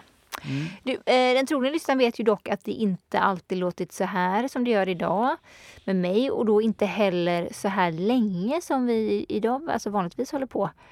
Erik Gerum i arkiven såg att de första avsnitten låg runt halvtimmen. Ja, det måste jag säga, det är helt förträngt, men det, det, det låter ju bra. Jag vet inte. Men också, alltså vissa är ju nere på 17 minuter, vissa är uppe i 40 minuter. Men runt, runt halvtimme skulle jag säga. Är det är först efter att Jennys, med Jennys intåg som stadigt går över timmen. Ja, stadigt ja, men Micke kommer jag ihåg, då, då var vi runt timmen, var vi inte det? Inte i början, absolut inte i början. Men typ av, avsnitt eh, sådär 30. Ja, vi blev varma i kläderna helt enkelt. Eller hur? Eh, jag satte ihop en liten, eh, en liten jingel för oss, eller vad säger vi? Så att vi kan lyssna på hur det, hur det har låtit. För i början då så var det en Elin Molin som ledde podden, eller som du hade podden med. Ja, var, jag tyckte det var lite kul. Det var en eh, ung begåvad doktorand i nationalekonomi eh, på Handelshögskolan och så tyckte jag att det var väl kul med någon med lite mer sådär tänkt akademisk inriktning och de mest nya teorierna och jag är ju trots allt mer en praktiker med bakgrund i myndigheter och regeringskansli och ja, lite mer nuts and bolts över det hela. Eh, Så att det, det, var, det var konceptet. Mm, och då kallade ni er även för Skocko Molin. Ja, det är mer än vad jag minns, men det gjorde vi säkert. Du har säkert bevis på det. Jag har ju det. Och det kommer, det kommer här, ska vi se. Det här är Skocko Molin med Sandro Skocko, chefsekonom på Arena Idé och mig, Elin Molin, doktorand i nationalekonomi på Handelshögskolan. Välkomna till Arena Idés podd Pengar och politik. Idag är fredagen den 14 november 2014 och ni lyssnar på Så mycket dyrare blir bostadslånet avsnittet. Jag heter Mikael Feldbaum och är chefredaktör för magasinet Arena. Vi har en ny talang som nu kommer dela då solljuset tillsammans med mig, Sandro Scocco då, som är chefsekonom på Arena Idé. Och det är Jenny Lindahl som kommer bli den nya poddstjärnan på pengar och politik. Hej Sandro! Hej! Hur mår du? Sjuk. Sjuk. Jag med. Ja. Ehm, jag tänkte börja med, jo, det här är ju Pengar och politik. Ja. Det är en, en podcast som Arena Idé gör. Och där är du chefsekonom. Ja, det är Ja, helt riktigt. och du heter Sandro Scocco. Ja. Ja, bra, då har vi klarat av det. Jag Ja. heter Jenny Lindahl. Jag, eh, ja, jag, jag hjälper dig med den här podden kan man säga. Nej, det gör du verkligen Kan man inte? Nej, okej. Så helt enkelt, with no further ado, låt mig presentera Alicia Heimersson som är vår nya Jenny. Välkommen Alicia! Jag ska, bara, jag ska säga för nytillkomna lyssnare så heter ju jag då Alicia Heimersson och är reporter på Dagens Arena. Och som tillsammans med Med mig, Sandro Scocco, chefsekonom på Arena Idé. gör den här podden. Så har det eh, kunnat låta eh, under de sex åren i intro. Ja, Från, från, från Skocko Molin till ett väldigt... Mi- Mikael Fellbaum, han, eh, han bara isar ju in i rollen. Han får ingen sån... Dong, dong, dong, dong. Nu byter vi programledare här. Ny popstjärna på poddhimlen. Det fick ju både jag och Jenny. Micke, Micke är så ödmjuk så han skulle bara bli så generad. Så att det, det gick inte med Micke. Men, eh, nej, men det är ju så, det, det har ju alltid varit eh, liksom, jag har ju varit det konstanta inslaget men eh, det, det är ju väldigt tydligt också hur eh, alla har påverkat podden. Och, och just Micke var ju också en gammal nationalekonom från Handelshögskolan. Och, och den var nog mer teknisk i vissa avseenden då än vad den var sen när Jenny kom in där det nog blev ändå lite mer eh, politik som hon eh, bidrog med och så vidare. Vi, vi fick faktiskt, det, så här, det var någon tidning, jag kommer inte ihåg vilken det var, men som gjorde så här jämförelser mellan olika såna här polit, ekonomisk-politiska poddar då och jämförde då, Timbro hade någonting, vi hade någonting, det var någon annan som hade någonting. Och, och vi fick omdömet framstå väldigt balanserad eh, på gränsen till tråkig och det var under Micke Fällmans period. ja, men det var så, det, ja, nej, nyanserat tror jag inte någon kan, kan beskylla oss för att vara idag. Men vet du vad, Ni, Micke har faktiskt skickat en liten eh, hälsning. Ja, sådär, mm. vad kul. Hej, det här är Mikael Fältbaum som var Sandros sidekick i början av podden Pengar och politik. Alicia bad mig om en hälsning eh, och ett minne från min tid med pengar och politik och några best of-tips. Och det som jag kommer att tänka på först är egentligen hur Sandro står framför whiteboardtavlan i ett rum på Arenagruppen och eh, målar upp en vansinnigt komplicerad bild av hur skolmarknaden fungerar. Och den här Sandros världsbild, skokoismen, är ju en teori om marknaden men har en stor dos eh, maktanalys och mänskliga beteenden i sig. Hur ofta har man till exempel inte hört Sandro snacka om inlärd hjälplöshet i podden? Och kanske är podden bäst när Sandro får ta den här lärarrollen och pengar och politik blir den där härliga universitetskursen som man kanske drömde om när man gick på universitetet men väl kanske egentligen aldrig fick där och då. Flera avsnitt under min tid gick ut på den här episka fighten om hur man skulle räkna på invandringens kostnader och vinster. Och eh, det finns ju ett avsnitt med rubriken Allt det SD inte vill att du ska veta om invandring. Det, det är ju en bra rubrik och därför misstänker jag att det innehåller det bästa med Sandro i den här lärarrollen som pedagogiskt förklarar varför invandring är lönsam och eh, varför Sandros modell på att räkna på det här är den bästa. Annars så minns jag nog bäst avsnitt där Sandro fick lite matchning av kunniga eller färgstarka personer. Ett avsnitt som jag misstänker håller än är där Andreas Cervenka diskuterar hur bankernas förhållande till staten ser ut. Eh, det har rubriken Maffiabröder. Det är också kul med gäster som Alexandra Pascalido som kommer att prata till Grekland och där Sandro och Alexandra med sina liksom larger than life-personligheter gaddar ihop sig mot mig och attackerar mig för att inte ha levt ett lika tufft liv som dem. Eh, när Maria Wetterstrand gästade podden så tror jag också att Sandro hade en teori för hur vi löser klimatkrisen. Det kan ju helt klart vara värt att lyssna på. Alright, det var mina tips. Uh, lycka till med det här avsnittet nu. Uh, vi hörs. Hej! Uh, ja, nej, men det, det, där var ju väldigt kul. Uh, nej, men det var jätteroligt att jobba med Micke och han hade alltid massa pigga idéer och ibland så tvingade han göra mig, tvingade mig att göra saker som jag absolut inte ville. Uh, som vadå? Ja, till exempel när han tvingade mig att ha ett avsnitt om det här med ett basinkomst. Eh, och jag tycker så fruktansvärt illa om basinkomst. Jag tycker eh, de som debatterar förefaller inte alls förstå hur ett samhälle och staten fungerar utan har en väldigt märklig uppfattning som de utgår ifrån. Och det är ju liksom en märklig fråga och det, är väl just ett tecken på det att den är ju omhuldad både i vänster och högerkretsar. Det, det, ska, det ska man alltid ta som ett, ett mycket starkt tecken på att ingen har en aning om vad de pratar om. Uh, och det, och det där är ju liksom ett problem. Men där var ju Micke eh, benhård på att vi skulle ha ett avsnitt om basinkomst. Och jag, jag tror faktiskt att jag mer eller mindre surar mig igenom hela avsnittet och bara säger såna här buttra, elaka saker om basinkomst. Där liksom. Men jag tror det, det kom ett, lite rätt i tiden. Ja, jag tror det varit ett rätt vällyssnat program ändå. Nej, men vi, mm. vi hade kul. Ja, alltså, eh, Mikael tar ju upp eh, två eh, poddar som också kröner lyssnartoppen. Dels då staten och bankerna, Maffiabröder med Andreas Cervenka som då jobbar på SvD. Eh, Också en fantastiskt bra person måste jag säga. Ja, det måste man verkligen Mm, säga. Jag har mm. eh, också haft ynnesten att podda med honom. Mm. eh, i- Och sen allt det SD inte vill att du ska veta om invandring eh, är ju nummer två.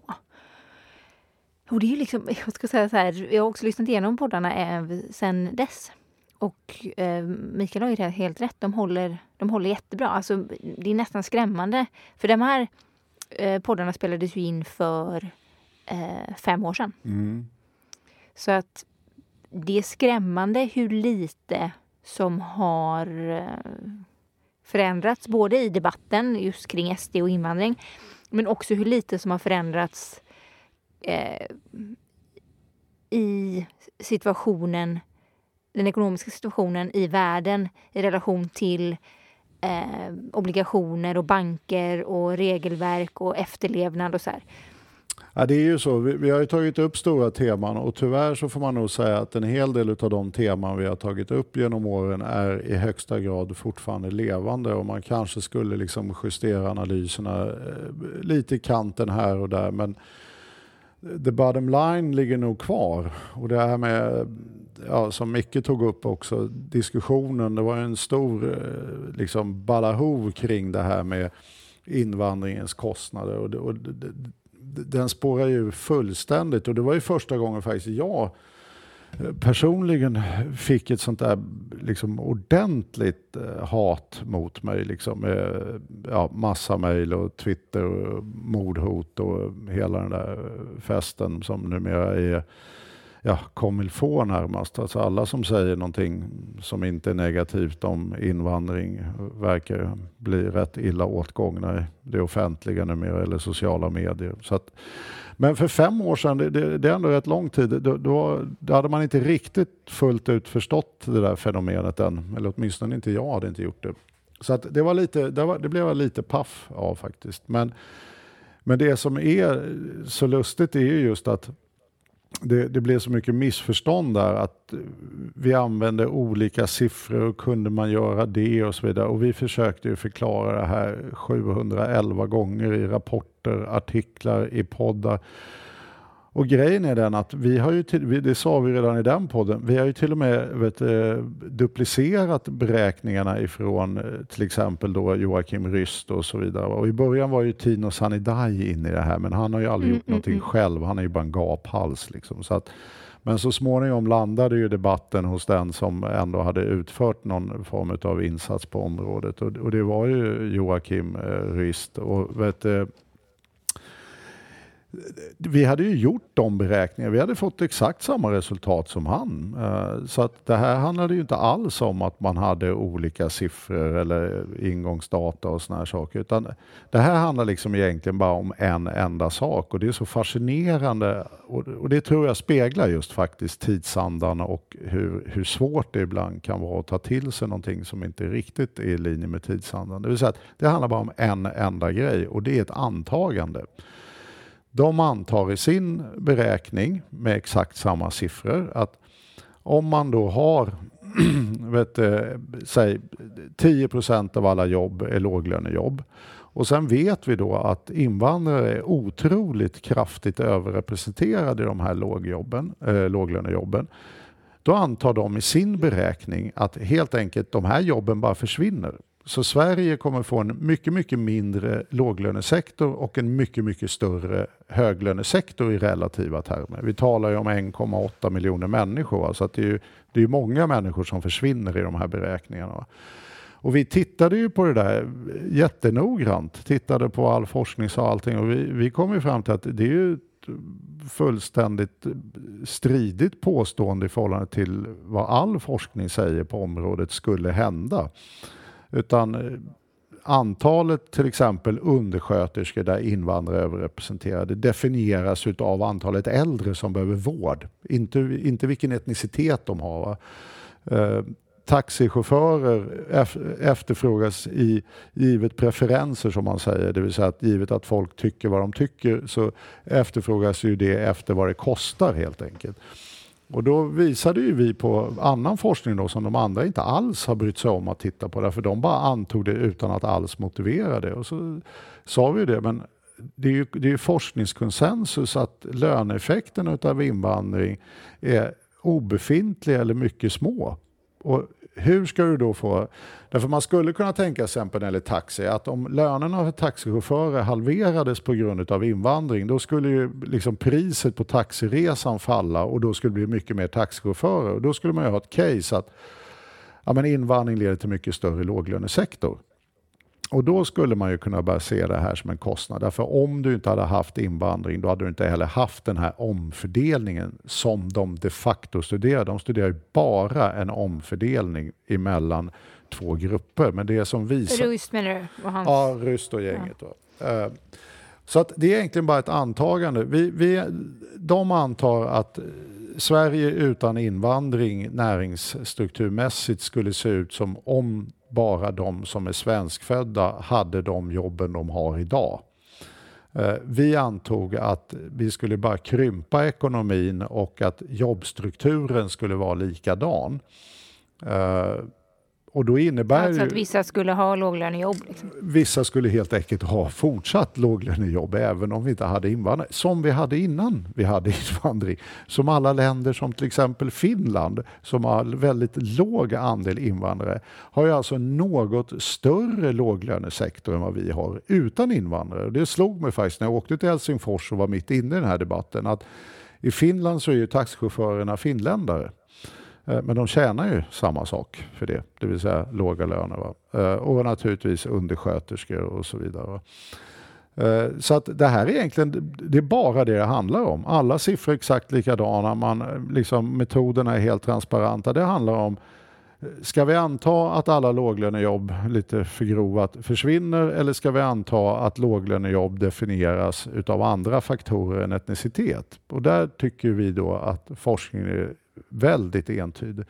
Men det, det där har liksom varit på gränsen till omöjligt att få igenom den offentliga debatten. Och det som jag skriver i min bok, här är jag ju lite besviken på dem som ägnar sig åt de här studierna, för de förstår mycket väl vad vi säger, men ger sken utav någonting helt annat därför att de vill, ja, helt enkelt försvara sin forskning. Därför annars så blir ju det de har sagt tidigare fel helt enkelt. Eh, mm, och, och, det är inte så konstigt. Men där tycker jag man ska vara lite kanske mer ödmjuk som forskare än att bara stå fast vid det man en gång har kommit fram till. Men, men, är, men man får ju såna här debatter som att Nej, men det, du vet, det handlar ju om gängkriminalitet, den kostar ju. Eller liksom, alla har velat diskutera allting utom just de här, eh, den här skillnaden i antagandet. Det är ett mm. enda antagande.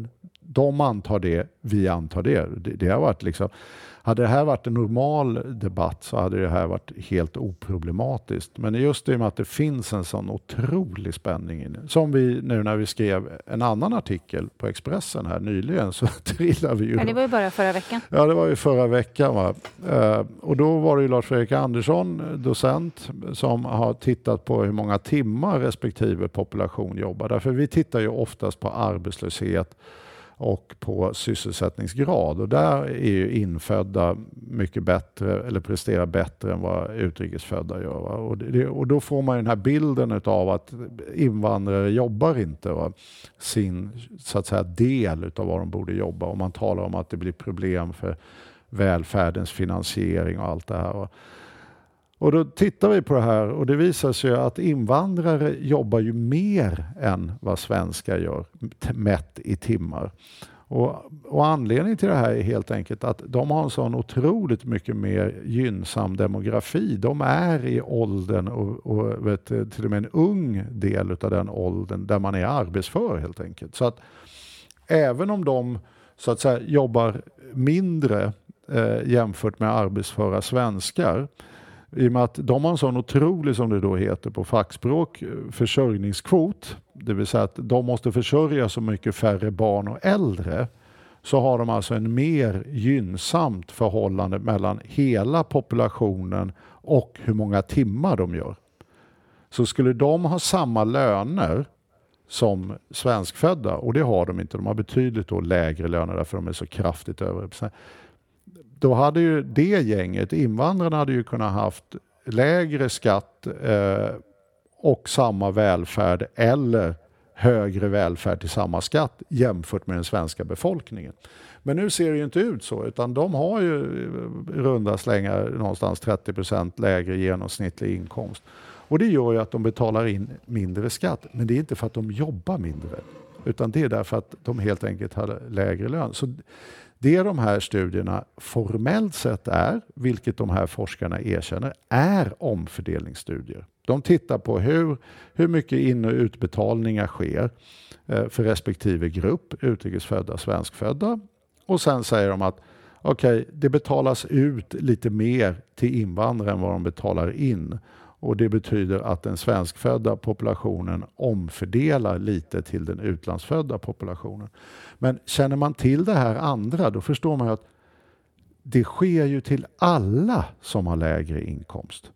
Mm. Alltså det, det, är själva funktionen av staten. Alltså staten har fortfarande, även om den har försvagats de senaste 30 åren, funktionen av att man omfördelar mellan hög och låginkomsttagare. Och det är just omfördelning. Så de här studierna, vad de faktiskt heter, är en helt korrekt benämning på dem. Det de sen har hittat på i debatten, det är det att de har kallat sina omfördelningsstudier för kostnader. Men ska du få hem att det är kostnader, då måste du få hem argumentet att om vi inte hade haft invandring så hade vi inte heller haft de här låglönejobben. Det är det som är kruxet. Så, som omfördelningsstudie mellan två populationer utav låg och höginkomsttagare så är det inget större fel på dem. Men du hade lika gärna kunnat tagit SACO-kollektivet mot LO-kollektivet och upptäckt att det är samma omfördelning därför SACO tjänar mer. Du hade kunnat tagit män och kvinnor och upptäckt att det var en omfördelning från män till kvinnor därför män har en högre genomsnittlig lön. Jag tror väldigt få skulle våga sig på argumentet att eh, kvinnor kostar män x antal miljarder varje år. Särskilt inte nu när anledningen till att kvinnor har lägre lön är just lönediskriminering. Så att sanningen är ju den att män som har högre lön betalar inte fullt pris för de vet, eh, offentliga tjänster de får. Så med en rimlig tolkning av läget så är det tvärtom så att det är inte så att vet du, kvinnor kostar män utan det är så att kvinnor subventionerar män. Och det här, det här visar ju på att Ja, det visar på hur viktigt det är att förstå vad man gör och att kunna tolka siffrorna på ett rimligt sätt. Ja, men pengar och politik har varit viktigt där och jag har känt att det har varit en jättebra kanal för faktiskt mer komplicerade resonemang och där man får tid att förklara vad man håller på med. Mm. Vilket dock inte hindrar ju då att man får en replik på den här Expressen-artikeln.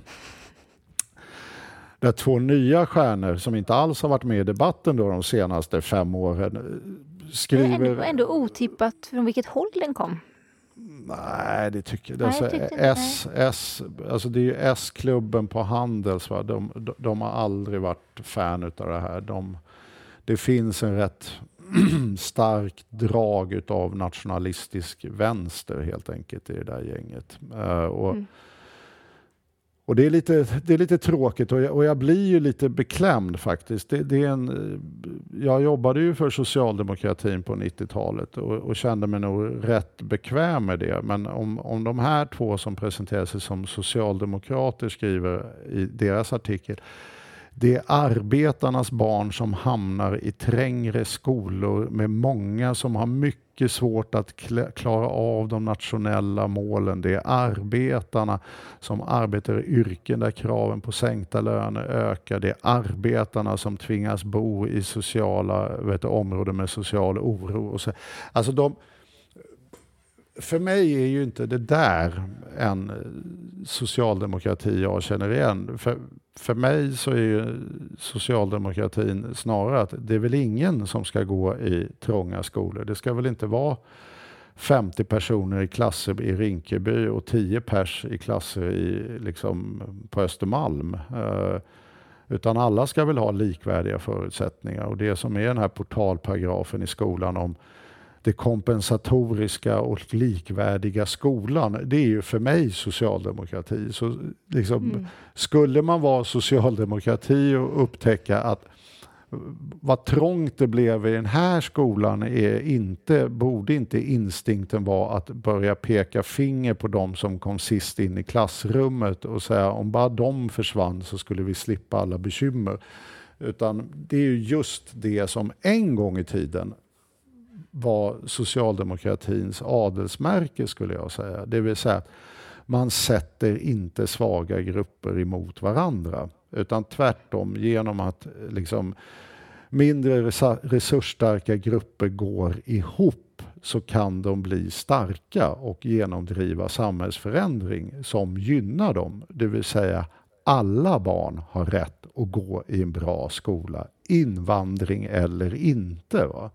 Det här är för mig faktiskt ren SD-retorik att just sätta grupper emot varandra på det här sättet. Eh, och, och, väldigt obehagligt tycker jag nog faktiskt. Det, vi kan ju bara sätta andra mindre resursstarka grupper mot varandra och se hur lyckat vi tycker Kvinnor och män. Kvinnor och män till exempel. ja, vi kommer komma in lite på Bokpodden alldeles strax. Jag tänkte vi skulle bara lyssna lite på vad, hur eh, eh topp tre best of. Ja, till dagens ämne då. Det är många lyssnare som har uh, velat ha svar på det här också. Både Magnus Åsblad och Fredrik Bauer. Hur är det egentligen med banksektorn? Och går vi mm. mot en ny finanskris och sådär? Det verkar ju uh, som att uh, väldigt många snackar om en ny finanskris nu. Sydeuropeiska Eh, banker verkar vara i kris och folk flyttar pengar. Eller de börjar ifrågasättas i alla fall om de har lånat till oljeäventyr och en skenande bostadssektor och sådär. Och Kinas ekonomi svajar och eh, hotar tillväxten i hela världen verkar det som. Och i och med att räntorna är så himla låga just nu så finns liksom ingenting att ta till så att folk blir nervösa för det. Om jag ska så här, sammanfatta hur jag har fattat vad, vad det är folk verkar snacka om just nu. Som, var någon på FT, Wolfgang München som är väldigt duktig. Han sa så här, när började eurokrisen? Jo, den dagen när vi bestämde att alla länder tar hand om sina banks, banker. Mm. Vad har hänt? Jo, man har inte tagit tur med bankproblemen på allvar. Liksom. Och, och, där är vi fortfarande idag. Dålig tillväxt och, och det här kommer komma tillbaka och, och liksom, eh, ja, slå igen tror jag. Mm, mm. Uh, och, och, jag kan vara lite fascinerad över att man inte tror då att det, det, liksom kan finnas något fundament för det här. Att det är någonting i människors vardag och upplevelse som är gemensamt för de här länderna och som har gjort då att de här rörelserna kan kapitalisera på det här missnöjet. Och då kommer vi in Kör på det här. lite data på hur just ja, är det då de och så ser ut. Då? Ja, och, och då är det ju så att om man tittar då på hur inkomstutvecklingen har varit för olika grupper så är det ju helt uppenbart och det här mönstret är ju likadant i princip över hela västvärlden. Vi ger svenskfödda först arbete. Eh, har vi hög arbetslöshet då får vi väldigt många invandrare som är arbetslösa. Har vi låg arbetslöshet då har vi extremt lite svenskfödda som är arbetslösa men vi har också väldigt lite invandrare som är arbetslösa. Mm. Ja men det där var ju en och bra det... siffra, eller en bra tankesätt att lyfta fram ja. som ni faktiskt visar i rapporten. Ja, det... Eh, det, som, det som också var med, medklippt här var ehm, eh, det, and, det tredje Best of avsnittet som är när medelklassen röstar på Trump och SD mm. så har vi problem. Och det är väl eh, där eh, det är väl där vi är nu då? Ja, det är ju det. Jag, jag har ju en sån här när, elak iakttagelse angående Trump. att Om man tittar på datat på hur vet du, utvecklingen varit för olika amerikanska hushåll så är det obegripligt att Hillary Clinton försökte gå till val på ett budskap som var business as usual. Alltså, Tittar man tillbaka och tänker sig att med tillväxten så ska alla få det lite bättre. Det är liksom standardmodellen. Liksom, att alla höjs liksom lite utav tillväxten och får det lite bättre. Tittar man då jämfört med den föregående 30-årsperioden och jämför med den efterkommande 30-årsperioden då, som är nu då, då, då upptäcker man att alla grupper utom de absolut rikaste fick det väldigt mycket bättre och snabbt bättre i den föregående 30-årsperioden. Och då är det inte så konstigt att folk är rätt nöjda och inte letar efter liksom missnöjespolitiker i någon högre utsträckning. tittar man då på en efterföljande, idag i princip 40 år, då, därför någonstans efter 1980, då har det ju i princip gått alltså fruktansvärt dåligt för den nedre 25 procenten. Dåligt för dem emellan 25 och 50 procent. Hyggligt dåligt för dem mellan liksom 50 och 75. Va? Och de, de som har liksom klarat sig något sånär hyggligt, det är de 10 procenten rikaste i samhället, som en, men inte särskilt bra, utan så här hyggligt. Och de enda det har gått magiskt bra för är enprocentarna. Och tittar man på sådana här kurvor så man det så här, här har ju typ, och det är därför det här amerikanska uttrycket finns, the bottom 90. Bara, bara att det finns fog för att hålla sig med uttrycket the bottom 90. Vi hade ju den här skräcksamhällsvisionen när Margaret Thatcher bröt igenom och det kallades ju då två tredjedelssamhället. Mm. Då var det alltså två tredjedelar som skulle ha mys och de skulle rösta igenom en politik som drabbade en tredjedel av samhället som mm. skulle få det skit. Liksom. Det, det, var alltså skräckvisionen. Nu talar vi om the bottom 90 och i någon mening i vissa länder som USA så kan vi närmast tala om the bottom 99. Va? Yeah, we att, are the 99 procent. Ja, så att du vet, det är så lustigt hur en skräckvision går till att vara en drömvision om hur tillvaron skulle Verkligen. kunna vara. Så att det har ju blivit fantastiskt. Så att min spaning angående Trump är att om inte han hade varit en så dålig populist så hade han ju tagit hem en jordskredsseger. Och vi ska ju vara livrädda för att det faktiskt kommer en bra populist i USA. Cervenka, ska, ska, uh, säga, han är ju för övrigt vår mest frekvente gäst. Ja, han, han är vår top guy. Verkligen. Vet du vem första gästen var? Nej, jag har ingen aning. Så, tur att det inte är frågesport på det här, för då skulle jag inte briljera. Det var Kristina Mårtensson som då var samhällspolitisk chef på Kommunal. Har du några sådana här minnen, eller några gäster som sticker ut då, utöver de som redan har nämnts? Nej, alltså där får jag ju säga det. Min, min favoritgäst är ju Cervenka. Både jag och lyssnarna gillar Cervenka. Nej, men det, var ju, det är ju många som vi redan har nämnt som är också väldigt roliga gäster. En är ju vet du, Pascalido till exempel, är ju en väldigt kul gäst och det är en väldigt kul gäst att särskilt ha på Greklands temat. Det, mm, mm. Tiden passerar men Grekland var ju väldigt hett debatterat där ett tag faktiskt. Jag tyckte det var kul med när vi fick prata med Susanna Gideonsson som mm. första media, eller vad man ska säga, att få den längre intervjun. Hon har ju varit lite i så Handelsnytt och eh, liksom mm. hennes egna tidningar. Men, men vi var ju före DN och, och dem så. Det ja, tycker jag var jävligt skoj. Vi är connected vet du. Du, jag eh, har satt ihop en liten hitkavalkad av skojavsnitt. För det är inte bara att eh, det har varit skitmycket kul, bra, intressanta, spännande gäster som har, har varit med.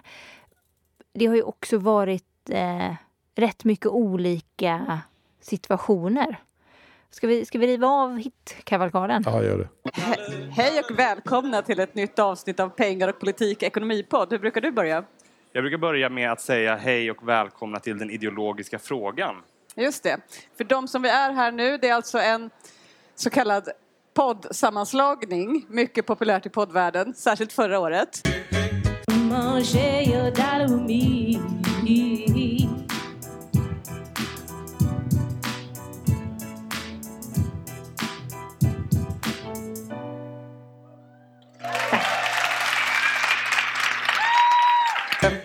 Dags att börja bokcirkeln. Eh, vi kommer varannan vecka läsa ett kapitel i Och några antar jag är okej okay, av Sandro Scocco.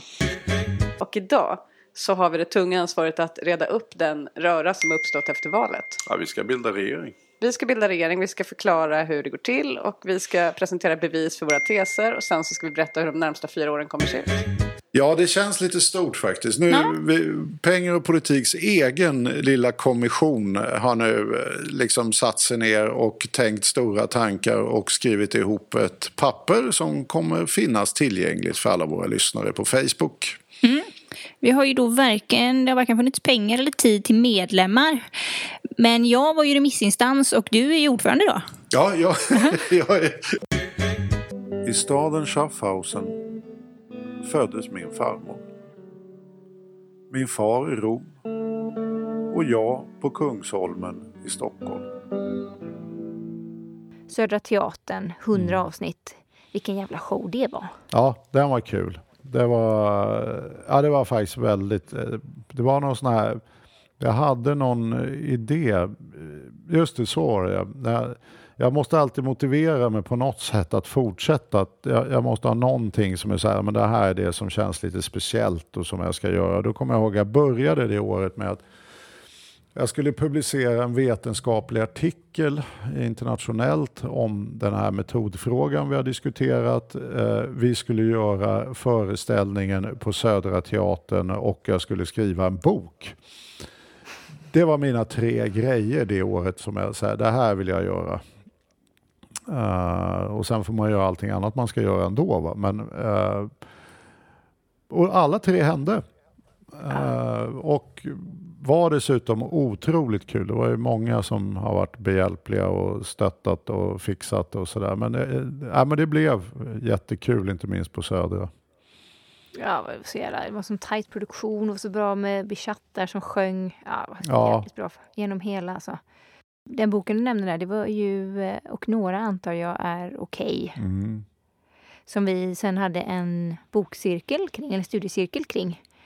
Eh, och det var då jag kom in, Mm. mitt, i, mitt i där, avsnitt fem eller någonting, som, som gjordes tillsammans med Per Lindberg. Mm. Ja, det var också jättekul. Det var ett litet nytt Det koncept. Det var tre i studion. Det var rätt trevligt tyckte jag. Du, när Jenny slutade så frågade ju du så här, vad, vad har du lärt dig eller något sånt där. Och finns det no, har pengar och politik eh, det här formatet och liksom att du har kunnat lägga ut text och sådär eh, med olika gäster och, och olika program som sparringpartner. Har, har, det, har du lärt dig något, Sandro?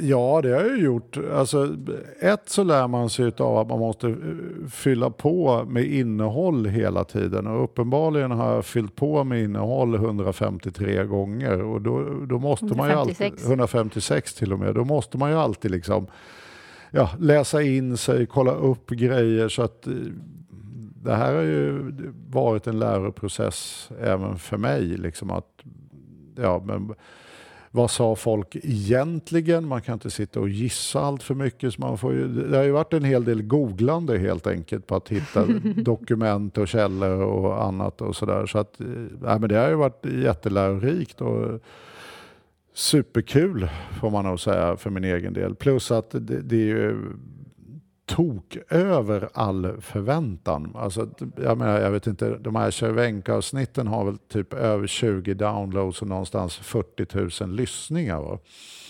Så är det. Det är ju en bra bit ifrån de där 500 som jag siktade på. Och då skämtade jag att okej, ny målsättning, man måste anpassa sig till realityn. Vi ska fylla Globen. Och det var 10 000 tänkte jag då. Varje vecka ska vi ha 10 000 lyssningar. Sen tror jag Globen är lite större, men typ så. Så det var någon målbild. Och så lyckades vi med det också. Så att, nej, det, är, det har ju varit hur kul som helst. Och ångrar inte en sekund helt enkelt. Och är så djupt tacksam över att så många har velat lyssna och att så många liksom har känt att det har varit meningsfullt. Det, det är ju magiskt. Mm. Så att eh, alla som lyssnar är tacksamma att, det inte, att inte resan tar slut här. Nej, nu blir det ju nya pengar och politik och så får jag köra den i egen regi. Det kan ju kanske vara både tips till dig då, Sandro, eh, och till våra lyssnare att hålla utkik på din Twitter-kanal eller din Twitter-feed, eller vad säger man? Det, ja, Att vad man det är säger. där, ja, Mm. men det är där man kan få ny info om ny plattform och Mm. ny hur man ska prenumerera. Och sen så är det väl att söka då på nya pengar och politik i sin poddspelare. Japp, det ska tydligen gå om jag förstår de som har försökt ordna det här på något sätt. Att man bara liksom går in i sin poddspelare och helt enkelt söker på nya pengar och politik så borde man om två veckor hitta ett avsnitt där. Mm. Spännande. Där vi kör på igen i god anda. Du, ska vi, eh, ska vi gå ut till eh, till ditt tal till nationen eller? Ja, det var en kul grej också. Ja, det var faktiskt en väldigt Det kul grej. ja, men det, det, det är väldigt kul att få vara pretentiös ibland. Jag, jag vill slå ett eh, slag för pretensioner. Alltså, man måste våga ha lite pretensioner ibland. Får man stå ut med att någon kanske skrattar åt den, men det, det är ändå kul. Det är ändå kul ja. Och du, jag måste ju säga, vet du, det som har varit värdefullt, inte minst för mig, är ju just alla mina partners under den här resan. Där alla har funkat lysande, varit jättekul och ja, men där man har lärt känna personen och så här. Eh, Men det har ju varit otroligt kul att få podda med dig. Ja, du tack, ja, tack detsamma. Det har varit riktigt... eh, 19 avsnitt blir det med det här. Ja, det blir 19 ändå alltså. Ja, det blir 19. Ja. Du och Fellbaum 43 någonting. Och så... Eh, ja, då har vi väl en... En 100 avsnitt, inte riktigt, men en 90 avsnitt med dig och Jenny då. Ja. ja, det är hon som är grand old lady trots allt alltså. Ja, det får man verkligen säga. Jag är nya Jenny. Hon Ja. blev aldrig liksom nya Micke så. Nej. Nej, men Ja. Grand Old Lady. Ja, men det är underbart. Eh, tack för denna tid och Mm. eh, lycka till med allting Alicia. Så Ja, du, tack detsamma. Vi håller, vi håller nog kontakt. vi håller kontakt, det skulle jag också säga. Så, och tack till alla lyssnare och good luck med livet så hörs vi kanske på nya pengar och politik Om två veckor, ja. om två veckor. Ja, Jag kommer lyssna i alla fall. Ja, härligt. I staden Schaffhausen föddes min farmor. Min far i Rom och jag på Kungsholmen i Stockholm. I alla tider har människor flyttat över gränser. Och flyttat gränser. Både sina egna och länders. Kärlek och drömmar kommer alltid få människor att lämna sin hem. Fattigdom, konflikter och naturkatastrofer kommer även i framtiden att tvinga människor att fly sina hem. Nya liv och hem ska byggas upp någon annanstans. Det hemmet är ibland vi. Det kan upplevas hotfullt. Det är de eller vi. Men det är de och vi. De stjäl inte våra jobb. De tar de smutsigaste och sämst betalda jobben. Så vi kan få bättre jobb. De hindrar inte att äldre vårdas. De vårdar äldre. Men hur kan vi och de bli ett nytt vi? Hur kan de få tillhöra? Få bli sedda? Få vara det de är? Livsglada, livströtta, snälla, elaka, laglydiga, kriminella, högutbildade, lågutbildade. Precis som vi. Det är med den insikten framtiden måste byggas. Ett samhälle som ger alla chansen och inte delar upp oss i ett dom och ett vi. De fattiga och vi rika. De lågutbildade och vi högutbildade. De från glesbygden och vi från storstaden. De utlandsfödda och vi infödda. Ett samhälle där man inte döms för vilken skola man gått i. Där man inte döms för vilka föräldrar man har. Där man inte döms för vilket bostadsområde man kommer ifrån. Där man inte döms för vilken hudfärg man har. Det är den skolan, den bostaden, det samhället som skapar ett vi av de många.